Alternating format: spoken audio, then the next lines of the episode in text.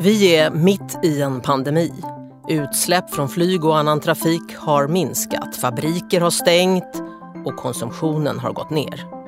Leder det till ett hållbarare samhälle och en renare miljö när vi nu upptäckt att det går ganska snabbt att ställa om när vi måste?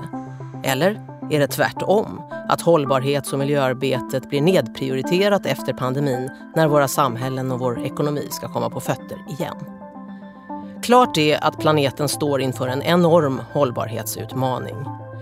Så vad finns då att lära av coronakrisen och vad finns att hämta i digitaliseringen och i den artificiella intelligensen för att klara våra klimat och hållbarhetsåtaganden? Och vem ska göra vad?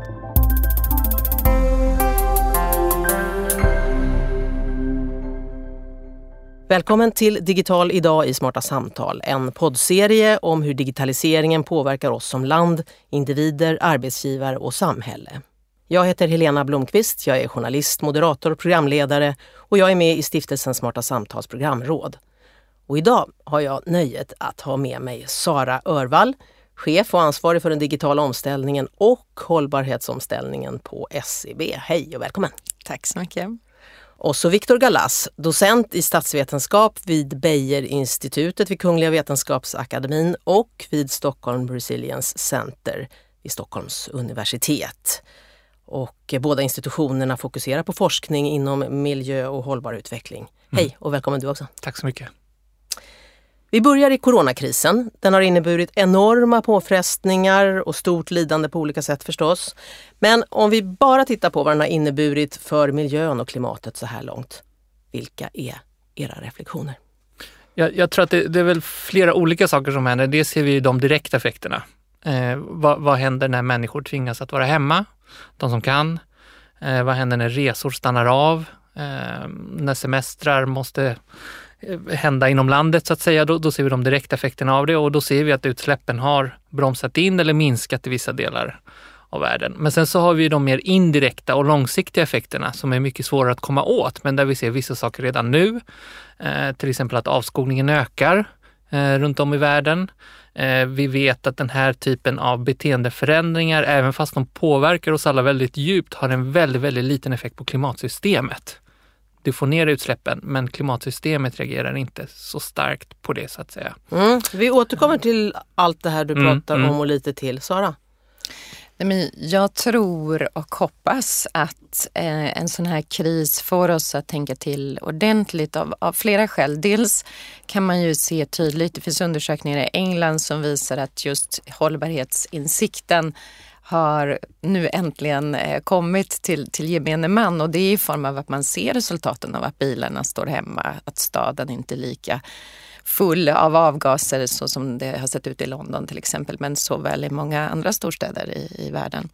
Eh, så, så det är det första, att man ser det direkta resultatet som, som är så tydligt för individen och det har vi inte kunnat visa på förut, men nu har man fått ett ett skäl till att, att um, om än väldigt olyckligt såklart, så det är ju tragiskt att det ska behövas en kris till det. Men, men det är ändå en positiv effekt av krisen. Och den andra dimensionen av det är att vi har ju aldrig fått så många människor att snabbt lära sig digitala verktyg. Eh, och de digitala verktygen ersätter mycket av det som är starkt klimatpåverkande såsom resande, eh, möten som vi tror att vi behöver men vi nu kan ta på annat sätt. Och när, när vi väl har lärt oss det och sett nyttan av det så, så, så tror jag nog faktiskt att vi har fått den här snabba beteendeförändringen som jag tror har varit svår annars att, att åstadkomma. Mm. Mm. Håller du med Victor? Ja, nej, jag håller med. Um, och jag, jag, tycker det är en intressant fråga just när man pratar om beteendeförändringar. Men, men det finns någon sorts antagande ibland i det som, som är att beteendeförändringar räcker för att klara klimatutmaningen. Och jag tycker det verkar väldigt, väldigt tydligt eh, och vi börjar inse nu när, när det här faktiskt inte får så stor eh, effekt på klimatsystemet att vi behöver investera oss ur klimatkrisen. Alltså vi behöver strukturella förändringar, jordbrukssystem, energisystem, transportsystem. Eh, och det är väl möjligtvis någonting positivt i det här att det öppnat upp för den diskussionen. Hur investerar vi oss ur klimatkrisen? Hur driver vi fram innovation nu på ett sådant sätt att, att vi bidrar till ett, ett stabilare klimat? Eh, så Mm. Och precis så, för att jag tror att nu, om man då, nu pratar vi om vad privatpersonen har mm. fått för insikter, men tittar man på företagssidan mm. så tror jag den stora insikten av corona är ju vad en kris kostar mm. världsekonomin. Vad en kris så omedelbart kan ge för effekter.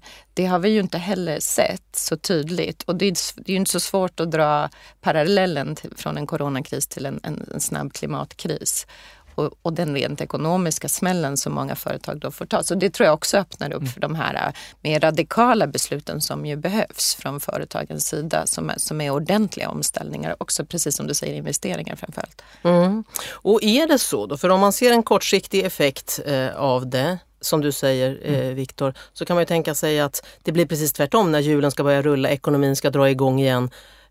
Att det blir tvärtom. Mm. Eller hur ser ni på det? Absolut, och det har vi ju sett tidigare. Under tidigare finanskriser så var det ju precis det som hände. Alltså 2008, 2009, där, där sjönk ju den ekonomiska aktiviteten rejält och därmed också utsläppen. Men så fort ekonomin återhämtade sig igen så eh, jobbade man ikapp.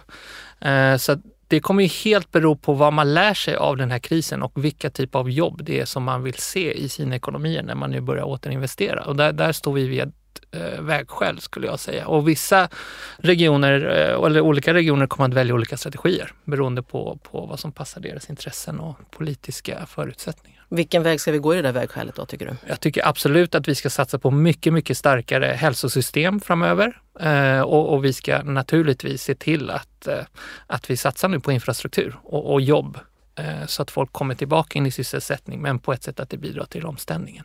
Mm. När du står i vägskälet där, Sara, vilken väg väljer du?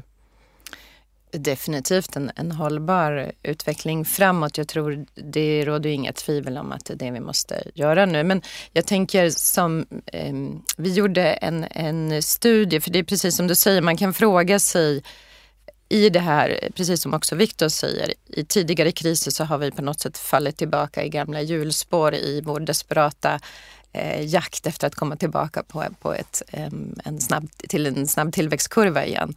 Men vi gjorde precis en studie där vi då eh, träffade samtliga stora globala banker för att ha en diskussion om hur de såg investeringar framöver. För det är klart att bank och finanssektorn har ett väldigt stort ansvar i hur eh, pengar fördelas, hur, hur man uppmuntrar till olika typer av investeringar.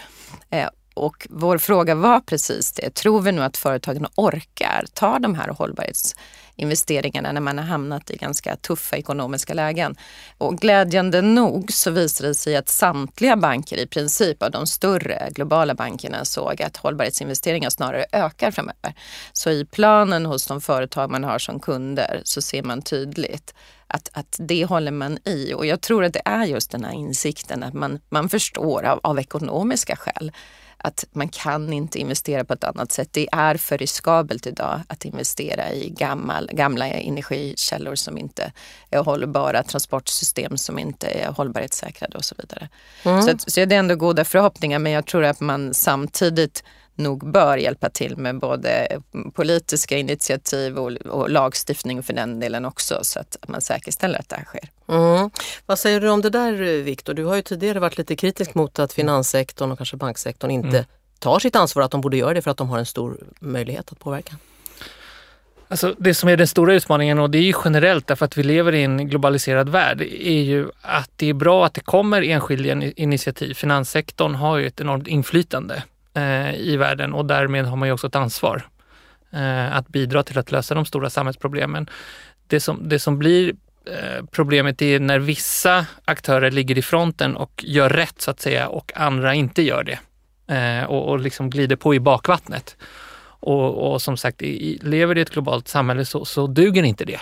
Du, du, kan inte ha en, en, en eh, frontrunners som gör rätt och en, en stor grå massa som släpar efter och som inte gör rätt. Så där som statsvetare så, så föredrar jag ganska starka signaler från det politiska systemet och internationella systemet för att det ska bli rättvist. Alltså det skapar ju väldigt ojämlika konkurrensfördelar eh, för de som inte så att säga bidrar till den här omställningen. Mm, och vad är det, ni båda efter, efterlyser då politiska tydliga signaler. Vad är det ni vill se? Något konkret? Det här måste politikerna faktiskt kanske lagstifta om eller i alla fall reglera på något sätt. Jag tror ju att, att jag håller med Viktor om att, att man måste gå samlat för det här är en, en global fråga och det är en, en, övergripande fråga så det räcker inte med att några sticker före. Samtidigt så är de som är frontrunners har också ett stort ansvar för de visar vägen och de visar att det är möjligt. Eh, så jag tror att man ska uppmuntra på olika sätt, både i det här fallet då finansiella aktörer som försöker göra rätt men även såklart företag som, som, som driver framåt och hittar incitament till att det lönar sig. Eh, men sen handlar det ju om, e- vi har ju sett att EU har drivit väldigt hårt eh, sista åren och fortsätter med sin Green Deal. Eh, att sätta en taxonomi per sektor och förklara vad är gränsvärdena och det är klart att när man väl har kommit överens om hur man bör förflytta samtliga industrier kan man ju tänka sig att man kopplar olika typer av beskattningssystem till det, kostnader för kapital och så vidare. Att det helt enkelt blir dyrare att släpa efter. Mm. Eh, det är ju en rimlig, eh, och jag tror att det är dit vi är på väg. Vi har inte så, så stort val. Vad vill du se, Viktor? Vad vet vi fungerar? Starka internationella överenskommelser, eh, nationella åtaganden och eh, ekonomiska incitament som är tillräckligt starka. Säg koldioxidskatt till exempel eller att man eh, eh ser till att man stimulerar innovation inom vissa sektorer där det saknas. Det kan ju till exempel vara AI för planeten eller för hållbarhet. Eh, ja. mm. Eh, Sara, eh, SCB då, vad gör ni? Vilka initiativ tar ni för att ta på er den där ledartröjan då för att eh, finans och bankbranschen ska eh, gå före? Som bank så, så, har vi ju inte så stor direkt påverkan på klimatet så vi får göra det vi kan att minska våra egna CO2-avtryck. Så det gör vi såklart. Men den stora påverkan man har som bank är ju hur de pengar vi lånar ut används eh, och, i samhället samt såklart de pengar som investeras i banken som vi sen placerar. Så det är de två kanalerna vi framförallt jobbar med och då handlar det om att förstå av alla de pengar vi lånar ut hur kan vi klassificera användningen av de pengarna ur ett klimatperspektiv? Och det är ett arbete som vi har gjort eh, och, och, gått igenom sektor för sektor, bransch för bransch men också kund för kund inom sektorn och in, av, för kunden, hur kunden använder pengarna. För man ska komma ihåg att det finns många företag som befinner sig på en dålig plats. Man har en icke hållbar affärsmodell, icke hållbart transportsystem och så vidare de kunderna är kanske de viktigaste vi har i att hjälpa till att transformera sig. Så att man inte bara investerar i det som redan är grönt utan vi måste hjälpa till att investera i det som och transformera det som är brunt och dåligt för klimatet. Och flytta de företagen. Och ofta är det där det krävs väldigt mycket kapital byta ett helt nytt produktionssystem, lägga om hela sin transportlogistik och så vidare. Så Eh, när vi väl kan få en överblick över det, då kan vi också se var kan vi bidra allra bäst och också genom stora datamängder och, och eh, avancerade analyser se att hela vår portfölj faktiskt förflyttar sig. Att vi blir bättre år för år, att våra pengar används på ett bättre sätt. Eh, och över tid så är det såklart så att man kan se över också prissättning kopplat till, till eh, hållbara aktiviteter. Och vi har redan nu någonting som heter hållbarhetslänkade lån. Att det finns eh, en parameter som styr att används pengarna till något mer hållbart då finns det en annan prissättning. Mm, just det, men ni kollar då om man använder det till hållbarhet saker som, som har någon slags hållbarhet. Om man inte har det, är det så att ni kan neka kunderna men det, nu blir det inget. Absolut. Mm. Gör ni det? Absolut. Mm. Vi var inne lite grann tidigare på digitaliseringen, vilken roll den kan spela för mer hållbarhet i näringslivet, samhället, världen.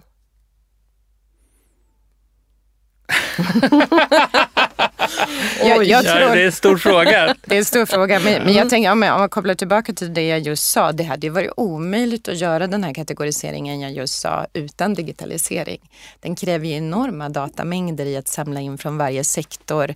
Vad har man för påverkan i, i sin materialval, i sin transport, i konsumtionen och så vidare. Så det, det är fantastiskt stora beräkningar som görs för att kunna bygga en sån klassificering. Och det, det är kanske den viktigaste delen tror jag här och nu när det gäller hållbarhet och digitalisering. Att, att med stora datamängder vet vi väldigt mycket mer. Mm. Vi vet inte allt men om vi samarbetar med forskning så kan mm. vi komma ännu längre i att förstå vad är påverkan och därmed fatta rätt affärsbeslut. Så, så bara att bli upplysta med stora datamängder och också med avancerade, eh, om inte AI, åtminstone machine learning, kunna förstå konsekvenserna av eh, olika typer av beslut. Så göra mm. mer avancerade scenarios helt enkelt för framtiden.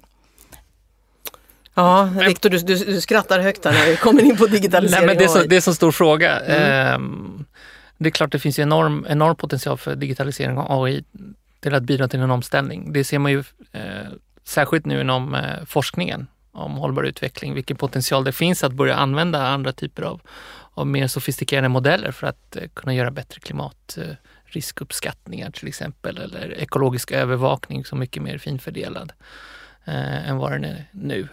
Eh, så det finns ju stor potential. Jag ser också ganska stora risker också eh, med det. Jag tror, jag tror att vi knappt har börjat nosa på vad, vad som är möjliga hållbarhetsrisker förknippade med AI. Ett väldigt enkelt exempel är ju när du börjar tillämpa den här väldigt sofistikerade metoder för att eh, pumpa upp mer olja eller gräva upp mer kol. Ehm, och hur ställer vi oss till det till exempel? Ehm, det här enorma desinformationslandskapet som vi har hamnat i på senare tid som har som understöds, den har inte sin orsak i digitaliseringen, men den understöds ju av digitala plattformar och blir mer och mer sofistikerade eh, genom eh, framsteg inom maskinintelligens och så vidare. Så att jag tror att vi, vi måste se det här balanserat. Jag kan tänka att det, det, blir lite för mycket hype ibland kring tillämpningar av AI och digitalisering för en hållbar utveckling. Som att det bara följer automatiskt, utan det gör det inte alls. Utan det, det, det måste styras. Mm. Men det beror ju också så mycket på hur vi använder tekniken. Tekniken i sig leder oss ju inte till ett hållbart samhälle. Men däremot om de metoderna används på rätt sätt så finns det ju en helt ny verktygslåda mm. som jag känner ibland att vi inte riktigt har eh, utvärderat tillräckligt i vad den kan leda oss. Vi, vi, om man tittar på appliceringarna som vi har gjort av AI och machine learning hittills så visserligen har vi sett väldigt stora framsteg inom hälsa och läkemedel vilket är fantastiskt. Men sen handlar det ju mest om konsumtion. Det är ju mm. det som vi har använt tekniken till. Om man tar till exempel bara de här AI-bottarna vi lever med, Siri och Alexa och Google Voice som än så länge inte så enormt begåvade men de är ju rask takt på väg att lära känna oss som människor, förstå vilka vi är, vilka värderingar vi har och sen fatta, ge oss rekommendationer till aktivitet. Om de aktiviteterna är alltid programmerade utifrån hur kan någon köpa mer? Det är klart att vi liksom inte går mot ett hållbart samhälle men om de istället skulle påminna mig om att vänta, behöver du verkligen en till svart klänning? Du har ju två i din garderob som ser precis likadana ut.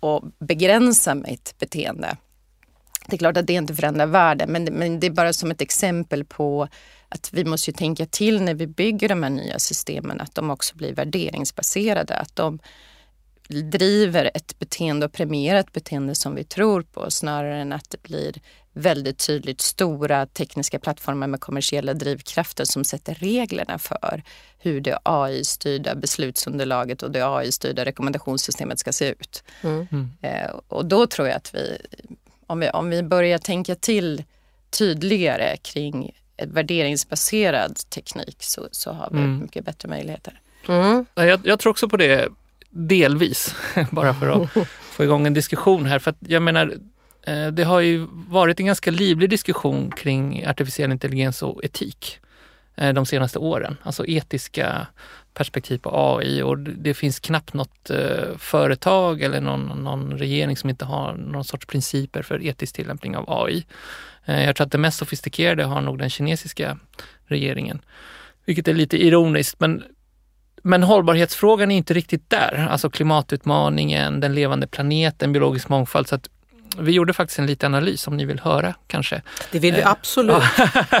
Men eh, vi, vi samlade, det finns en databas eh, som innehåller över 200 sådana här dokument av etiska principer för tillämpningar av AI.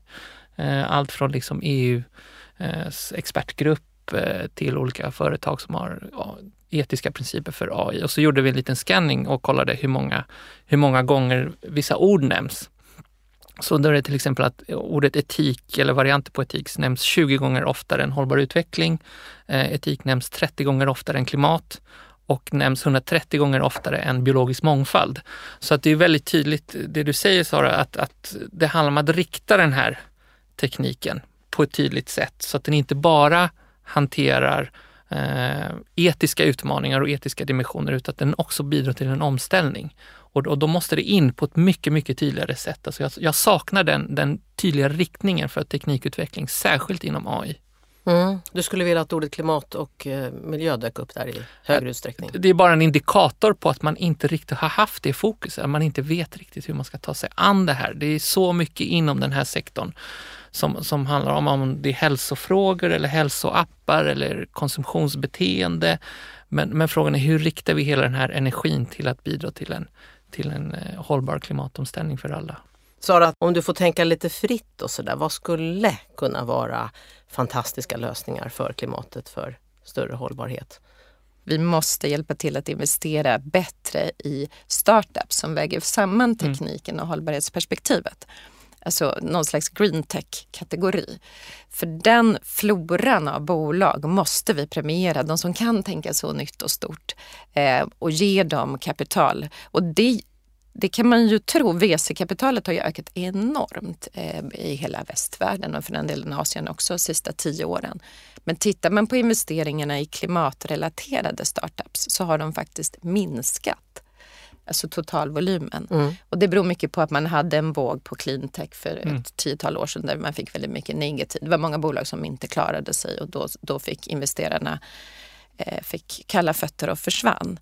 Um, men om vi inte får fram den typen av, av, innovationskraft, då är jag orolig för att, för att de här stora bolagen ska orka med och förflytta sig. De behöver de här små som hela tiden hugger i dem, levererar små lösningar, mm. Kommer fram med nya materialval för att vi ska orka ställa om. Och då, det är ju inte bara kapital då, då är det liksom idéerna som, som vi också behöver. Just det, mm. men de behöver då stöd och där är kapitalet viktigt. Absolut. Viktor, något önske tänk kring innovation, teknik? Ja, alltså vad vi ser från, från forskningshåll är ju att det, det finns ju sådana såna enorma datamängder och potential i, i, att tillämpa maskinintelligens. Allt från satellitdata, så som jag vet att finanssektorn är intresserad av, till sociala medier. Eh, att få liksom realtidsövervakning på olika saker. Ehm, men vad jag tycker är intressant, det finns vissa principer inom innovationsforskning och särskilt då för hållbar utveckling. Det är, det är tre, tre punkter. Det ena är att den har en, har en tydlig riktning, så som jag nämnde tidigare. Alltså om vi har AI och vi ser att AI växer fram, eh, hur, hur använder vi det för att lösa väldigt specifika utmaningar? Eh, det andra är ju mångfald att inte tro att det kommer vara en specifik tillämpning på en sak som är lösningen, utan det är en väldigt stor mångfald av olika tekniker och tillämpningar på olika nivåer. Allt från satellit för stora banker till mobiltekniker som använder maskinintelligens som hjälper en, en jordbrukare. Och sen den sista punkten som jag tycker blir mer och mer viktig i den här diskussionen, det är fördelningseffekter. Alltså att man ser till att tillämpningen av tekniken inte skadar svaga grupper i samhället. Eh, och, och, där kan jag se att det kan saknas ibland. Mm. Ni ska ju göra, på Stockholm Resilience Center, ska ni göra mm. en uh, utredning uh, där ni ska titta på de potentiella, uh, vilken potential AI har mm. för klimatet, för mm. miljön. Nu ska ni utreda men kan du säga någonting om vad ni kommer fram till? Absolut, det, börjar, det är vi som gör det tillsammans med AI Innovation of Sweden som är en stor eh, satsning eh, och RISE Eh, där vi ska titta på hur, vad finns det för spännande områden i Sverige där, där Sverige har en kompetens där man skulle kunna få ihop AI med att försöka lösa klimatutmaningen och vilken roll kan Sverige ha i världen inom den här sektorn? Så att vi har inte börjat riktigt än. Eh, vi ska börja den här utredningen nu, den ska vara färdig i slutet av året. Men jag, för egen del, jag tycker det är väldigt, väldigt tydligt att det finns en enorm roll för Sverige i den här diskussionen. Det finns idag ingen stark forskningsmiljö eller tillämpad miljö som tittar på AI för klimatutmaningen. Det finns hundratals eh, AI för, eh, för människan eller etiska dimensioner av AI, men, men ingen som riktigt har tagit sig an det här. Och Sverige har en stark forskningsmiljö inom miljöfrågor, har en stark forskningsmiljö inom AI som bara växer. Och vi har också en, en finanssektor som är väldigt intresserad av de här frågorna. Mm. Så jag, jag tror att det finns stor potential. Och det här ska ni redovisa då Vinnova är uppdragsgivaren? Precis. Mm. Sara, ja, hur står sig Sverige? Du som eh, har koll på övriga länder. Var står sig Sverige när det gäller eh, AI-teknik överhuvudtaget? Tittar man på appliceringen av forskningen, hur vi använder den i, inom eh, företagen, så har vi absolut eh, många intressanta initiativ. Men vi har inte riktigt sett det eskalera och accelerera på det sätt som man kanske hade trott för två, tre år sedan. Det stannar ofta vid pilotcase, så kallade POCs, där man testar. Men sen när man väl ska implementera och skala upp så får man problem. Mm. Eh, och det beror ju på att man är i en tidig fas. Jag tror att det är ett väldigt naturligt skede eh, som, man, som man befinner sig i. Men, men man ska dock vara lite vaksam för att äh, jag upplever, och det säger ju mängder av rapporter, att, att andra framförallt i den amerikanska miljön och, den eh, asiatiska, då specifikt Kina men även Sydkorea eh, har man betydligt mer avancerade lösningar på plats. Och det beror ju till viss del precis på det som Viktor säger, det krävs ofta storskalighet. Mm. Det krävs ofta enorma datamängder för att man ska bygga någonting intressant i en AI-miljö. Och det tror jag som liten nation, även om vi har stora globala företag i Sverige, men trots allt att vi borde kunna samarbeta mycket mer eh, mellan företag också. För att det är trots allt så att ska du bygga en bra AI-lösning, om man tar i vårt fall när vi har klassificerat eh, ur ett hållbarhetsperspektiv, det kan vi, det kan vi göra tillsammans med andra. Mm. Och ska vi bygga AI-bottar som möter slutkunder, då behöver man inte göra det själv. Det finns andra företag som har liknande eh, situationer. Så att vi, jag tror vi måste bli mycket bättre på att samarbeta tvärs branscher och, eh, för, och de här utmaningarna, om man tar hållbarhet specifikt, den slår ju olika på olika branscher men det finns väldigt stora likheter också. Det finns jättemycket vi kan göra tillsammans där vi tidigare har hållit oss väldigt klustrade i branschforum. Om vi förflyttar oss från det stora sammanhanget då till det betydligt mindre Sara. Du har skrivit en bok som kommer ut i handen i dagarna, Ditt framtida jag. Ja. Om eh, hur eh, vi som människor förändras av digital teknik. Mm. Eh, är det något som berör hållbarhetsfrågan där? Ja, det gör det ju. det är inte en bok som handlar om hållbarhetsfrågan specifikt. Den handlar om vad som händer med oss som människor när tekniken kliver närmare kroppen. Eh, och min ambition är att försöka belysa vad får det för effekter för, hur, för vår hjärna, hur vi tänker, hur vi kan faktiskt bli vänligare, mer sociala, hur vi kan bli starkare, friskare med hjälp av tekniken i och kring vår kropp. Låter väldigt positivt. Det finns väldigt mycket positivt och möjligheter men sen när man då knyter an till de frågor som Viktor var på så, så det jag också belyser i boken är ju baksidorna i form av för mig var det väldigt angeläget att skriva den här boken för jag tycker inte att vi har så stor diskussion kring vad betyder det faktiskt också för samhället. För varje individ kommer nu att behöva ställa sig själv ett antal etiska vägval. Vill jag förstärka mig på det sättet? Om jag nu skulle kunna om några år framåt operera in ett chip som gör att jag kan förbättra min matematiska begåvning, vilket ju absolut inte är möjligt idag, men det finns de som tror på att vi kan komma dit. Gör jag det då? Mm. Eller låter jag mina barn göra det? Och vad händer med de som inte har möjlighet att göra det? Eh, och hela den här frågan kring vad händer om vi får ett samhälle där några har råd med att åtminstone dra på sig väldigt avancerade underställ som gör att jag orkar gå och stå längre och bättre än andra när jag blir äldre eller när jag jobbar i fabriken och andra har inte råd med det. Mm. Så vad är det för samhälle vi vill bygga? Och mer specifikt kopplat, kopplat till hållbarhet så tror jag återigen, vilket jag då talar en del om i boken. Vad händer när vi lever sida vid sida med robotar som känner oss så väl? Som kan läsa varenda ansiktsuttryck, mina ögon, hur de är, mina svettningar på kroppen, mina hjärtslag. Jag blir en väldigt sårbar individ. Jag kan få väldigt mycket hjälp men jag kommer också ha bottar som kommer upptäcka när det är dags att ge mig ett råd som pekar mig i en viss riktning och då gäller det ju återigen då att de här systemen faktiskt är i linje med de värderingar och det samhälle vi vill bygga. Så till slut tror jag att vi hamnar i en situation där de här systemen är i princip politiska redskap och samhällsredskap. Inte, inte som vi ser dem idag, spännande tekniska funktioner av en amerikansk eh, jätte till leverantör. Mm. Och vi måste bara förstå det, att den här förändringen är betydligt större än, än spännande appar i telefonen. Just det, men om det då går åt rätt håll så att säga, då var jag inne på det lite tidigare, då är det av typen det kan nudga oss att göra någonting mm. rätt. Att mm. köp inte en svart klänning till utan nu har du två så att Ja, både ur konsumtionsperspektiv men för den delen också omtanke, omvård, eh, hur vi ser på medmänniskor och så vidare och inte minst hur vi utvärderar fakta. Så det, det är ju hela spektrat av, av råd vi kan få. Mm. Ja, Viktor, hur låter det där? Vi kan programmera oss till eh, både det ena och det andra. Det är oerhört eh, spännande och läskigt samtidigt. Men jag menar, det, det, som vi har blivit medvetna om, i alla fall i vår bransch, är hur den här emotionella aspekterna av, av artificiell intelligens och, och särskilt runt informationsflöden. Alltså att, att eh, digitala plattformar är designade redan idag på ett sådant sätt att, att de vill öka engagemang och sprider känslomässigt laddad information mycket snabbare än annan typ av information. Och, och, där har ju vi som forskare haft svårt att hantera den här floden av, av känsloladdad information som ibland är felaktig eller ofta är felaktig kring väldigt svåra frågor. Om det nu är pandemin eller om det är stora skogsbränder i Amazonas eller om det är klimatutmaningen och, och hur vi ska agera i en sån kontext som är så känsloladdad eh, är svår. Mm. Och vi människor fattar inte alltid så kloka beslut och ur hållbarhetsperspektiv av olika skäl. Vore det ibland bättre om vi delegerade beslut till smart teknik? Det visar ju studier absolut att det är fallet. Sen är det en helt annan fråga om vi vågar lita på det.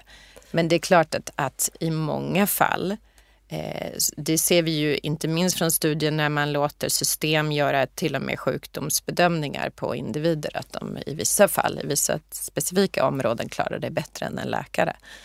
Ehm, men det betyder ju inte att en, ett AI-system är bättre att förstå helhetsbilden av en individ. Så jag tror vi måste bara vara väldigt noggranna med när vill vi använda systemen? När vet vi att deras eh, beslutsfattande är betydligt mer väl underbyggt än annat? Och när är de snarare bara stöd som vi kan ta ställning till? Mm. Men det finns ju andra aspekter på det. Det finns till exempel system som man, kan, eh, som man testar idag vid Stanford som är eh, AI-system som deltar i ett samtal med individer och då bedömer experter som samtalar och försöker då förstå inte bara vad är syntesen, summeringen av vad de säger, utan också förstå vem i det här rummet för fram åsikter som inte riktigt verkar väl underbyggda, utan snarare forcerar baserat på sin pondus. Vem i det här rummet säger någonting klokt, men resten av rummet verkar inte uppfatta det, för det är förmodligen en person som inte har den bakgrunden som krävs för att sitta och, och verka viktig. Mm. Eh, och AI-systemet då hjälper till att försöka interaktivt medan man pratar bygga den analysen. Och jag tycker det är otroligt spännande. Och vad gör den då? Stänger av mikrofonen för den som bara babblar eller? Nej men den påpekar att här finns ett argument som ni inte verkar ha tagit i beaktande. Och väldigt mm. ofta har det då visat sig att det argumenten har då kommit från allt från en kvinna istället för en man, en yngre istället för en äldre, en, en, någon som helt enkelt inte per definition är den vi tittar på och lyssnar på. Och det där tycker jag är en jättebra och viktig påminnelse till oss alla att, att systemen kan nog ibland syna oss också i där vi inte är så skickliga som människor och snarare väldigt fördomsfulla och inskränkta. Mm. Och här stänger vi inte av några mikrofoner, Victor. Nej, alltså jag, jag, tror att det beror helt på hur det tillämpas. Kanske ett, trå ett tråkigt svar, men jag tror att de mest framgångsrika eh, applikationerna av AI-teknik är ju de som är starkt lokalt anpassade. Säg till exempel att du använder olika typer av maskinintelligenta modeller för att fungera som stöd till en jordbrukare i en kommun i Colombia. Jag känner till ett sådant fall. Där fungerar det ju väldigt väl därför att du använder tekniken i dialog med människor som kan och förstår systemet väldigt väl. Det som är problemet är när du ska försöka ta samma modell och, och föra över den någon annanstans och då slutar den fungera. Så att jag tror inte att AI kommer att ersätta mänskliga beslut, men däremot agera som en förstärkare, så som Sara säger. Men som, som då är väldigt villkorat av att det sker i samråd med människor som kan det här väldigt väl. Jag tror att annars är ju uppenbar risk att man tar, tar en modell som ser väldigt fin ut och tillämpar det i en kontext där den inte alls passar. Och då har, kommer det dyker upp frågor eh, kring liksom transparens av de här modellerna. Vad innehåller de? Varför kommer de fram till det de kommer fram till? Vad är det för data? Vad är det för andra typer av data som skulle behövas för att förändra utfallet? Det här är ju väldigt heta diskussioner inom, inom AI-utvecklingen just nu. Mm. Och samtidigt så tror jag ur ett hållbarhetsperspektiv då att, att ehm, jag tror att väldigt ofta vill både individen och företaget göra rätt. Eh, och jag tycker att vi ser mer och mer, om man tittar på bara diskussionen kring hållbarhet på företagens agendor så har det ändrats radikalt de senaste två åren. Så det finns en medvetenhet och jag uppfattar faktiskt en genuin vilja och tro på att det är rätt väg framåt. Men det man ofta fallerar på är att man förstår faktiskt inte vad som är rätt väg att gå. Vad är de första stegen jag bör ta? Det fallerar ibland på mod och investeringsvilja också. Men, men om man ska vara godhjärtad så ska man säga att det, det är där det börjar. Att de flesta vill men förmår inte och förstår inte riktigt. Där, där, är ju, där, där, måste vi ju kunna använda tekniken för att hjälpa till. Det, jag, tror, jag tänker att det måste vara den största omedelbara nyttan. Att vi, om vi skulle kunna förenkla och skapa smarta beslutsstöd så att jag i företagens fall kan få en bättre överblick över hela min värdekedja och få en analys av här har du din liksom, tiostegsraket. Här har du störst impact, här, här ger det störst effekt om du gör en förändring och så i fallande ordning. Och även för privatpersonen. Mm. För jag tror att vi alla famlar efter, är det här verkligen nyttigt och värdefullt det jag gör? Mm. Om jag får fylla på där då? Ja.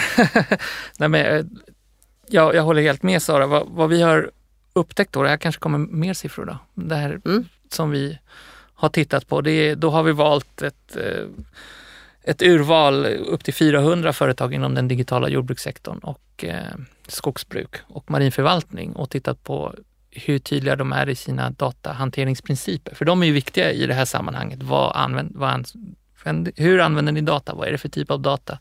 Etc. Då är det ju 85 procent av dem som inte har någon sån tydlighet överhuvudtaget.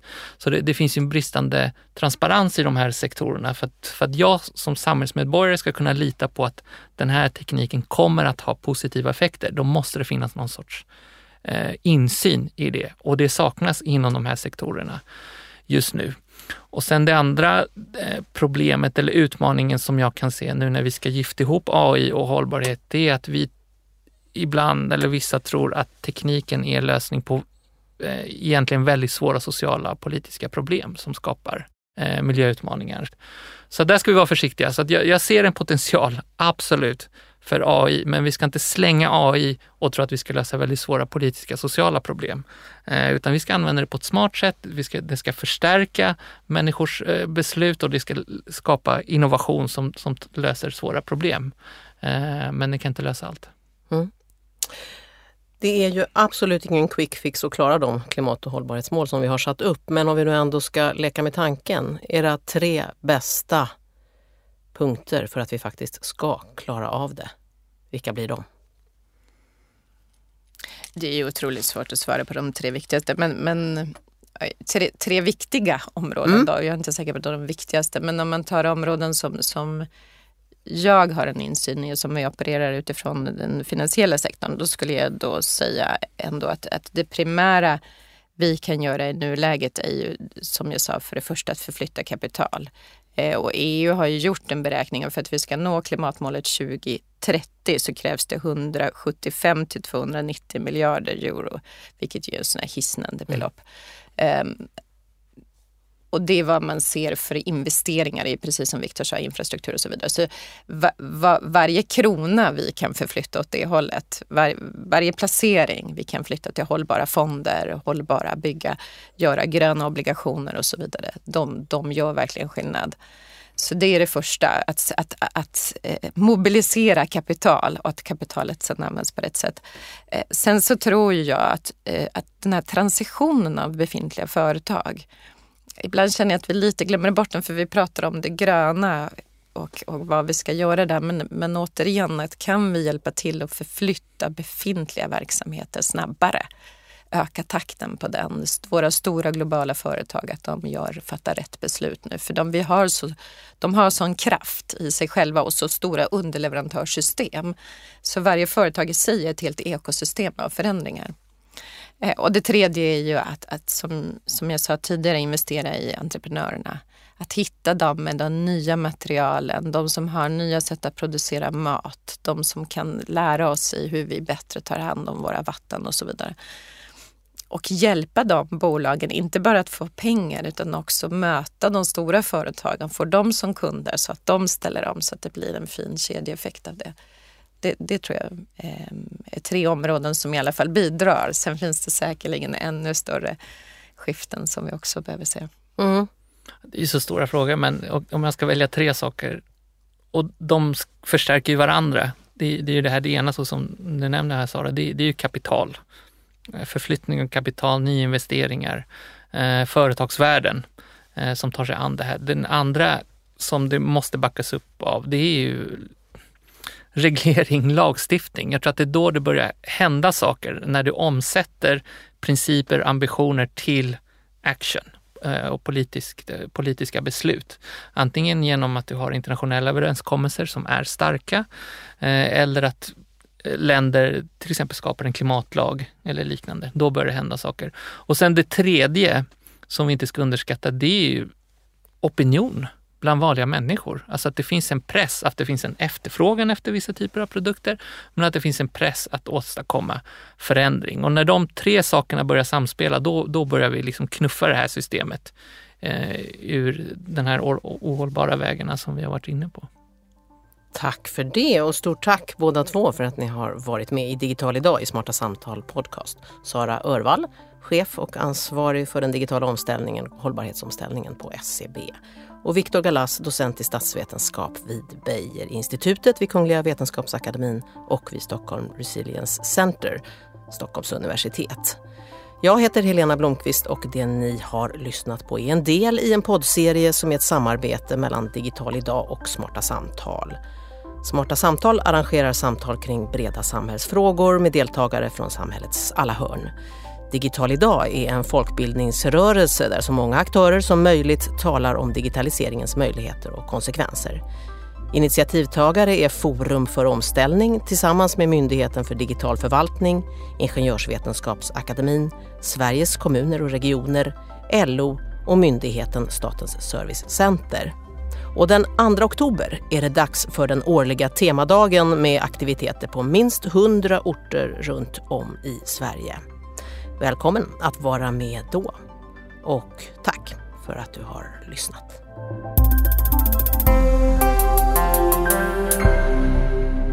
Det här programmet görs på Beppo. Beppo.